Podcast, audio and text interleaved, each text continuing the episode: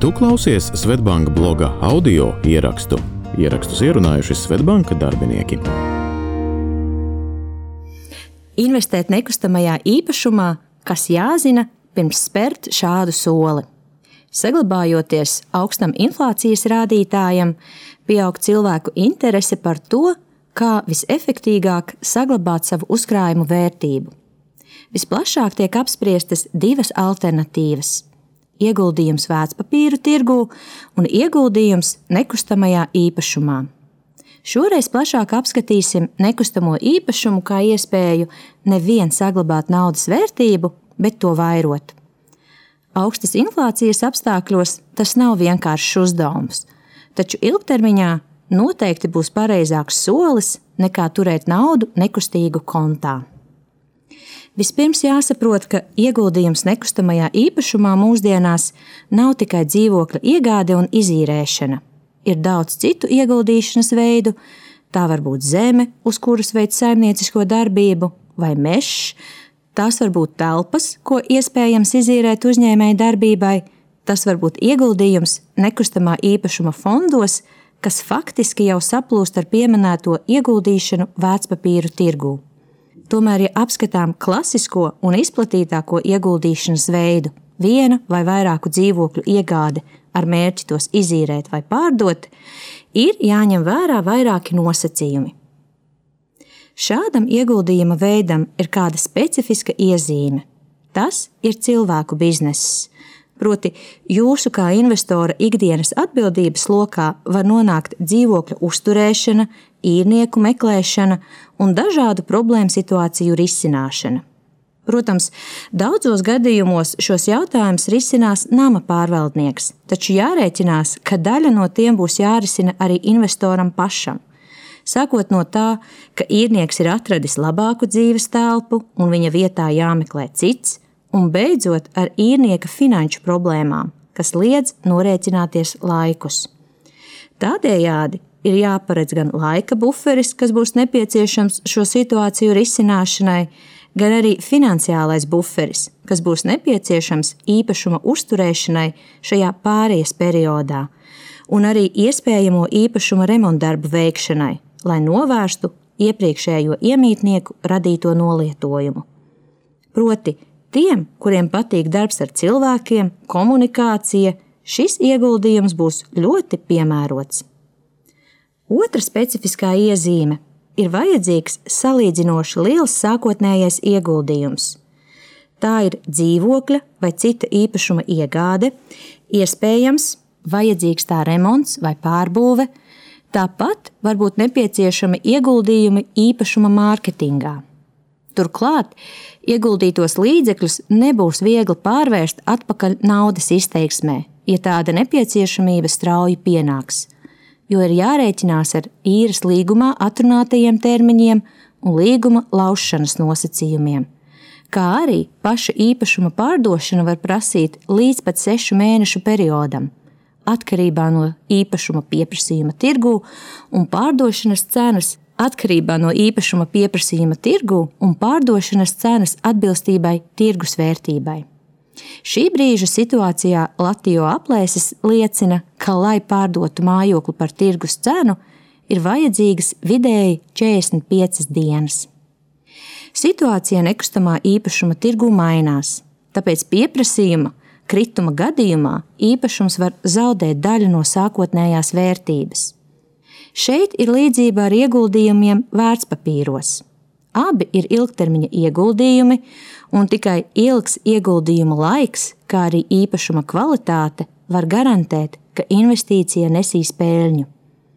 Protams, šī formula neatiecas uz savu mūžu nokalpojušiem mājokļiem, kuriem īslaicīga pieprasījuma kāpuma dēļ cena var pieaugt, taču ilgtermiņā tā nepieaugs.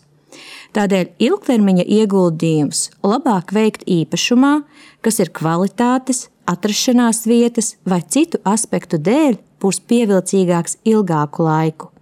Kā piemēram, dzīvokļu cenas jaunbūvētajās ēkās ar augstāku būvniecības kvalitāti un zemākām apsaimniekošanas izmaksām šogad vidēji ir kāpušas par 16%. Trešais geogrāfiskais apsvērums.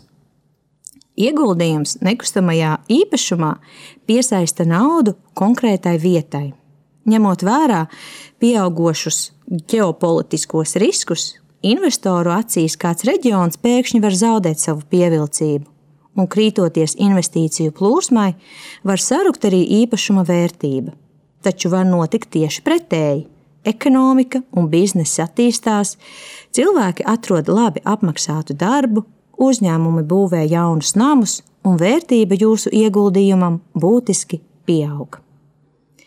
Ja lēmums par ieguldījumu nekustamajā īpašumā ir pieņemts, svarīgi ir saprast, kāda veida īpašums tiks iegādāts un uz kāda veida īrniekiem to varēs orientēt.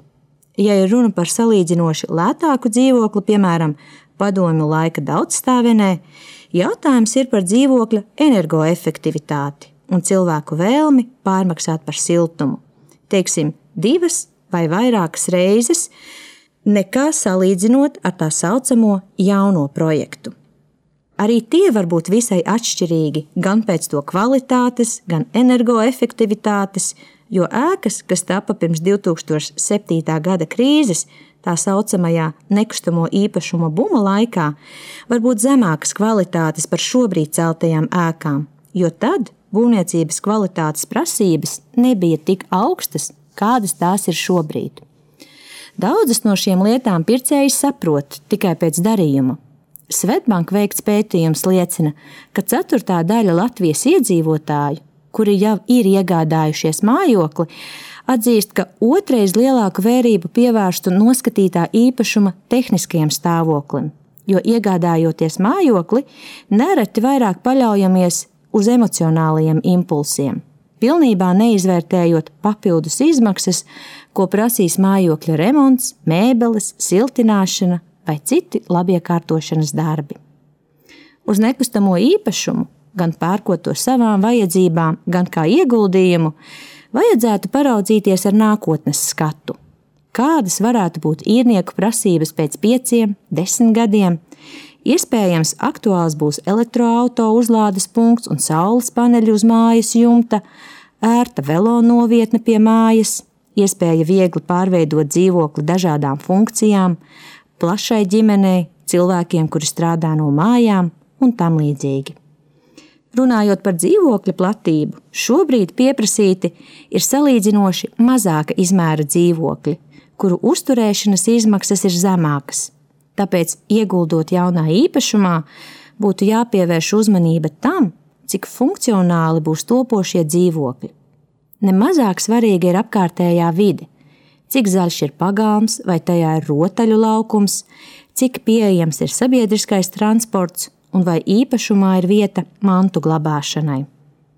Augstāk minētie faktori nozīmē, ka ieguldījums nekustamajā īpašumā var nest salīdzinoši labu atdevi no izīrēšanas un vērtības pieauguma.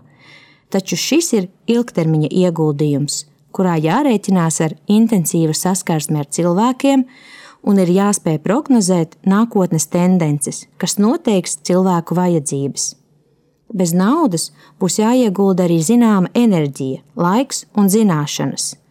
Piekrītot citu ekspertu jau sacītajam par šo tēmu, Šis būs labs un auglīgs ieguldījums, ja investoru kopumā interesē nekustamie īpašumi un šīs jomas attīstība. Taču tiem, kam šādas lietas nav sirdī tuvas, iespējams labāk apsvērt ieguldījumus finanšu tirgos, kas arī piedāvā ieguldīt nekustamajā īpašumā tikai caur īpaši izveidotiem fondiem. Atdeve solās būt līdzīga, bet, kā saka, vēsturiskie rādītāji negarantē līdzīgu ienesīgumu nākotnē. Šo un citus rakstus iespējams izlasīt blog.svetbank.cl.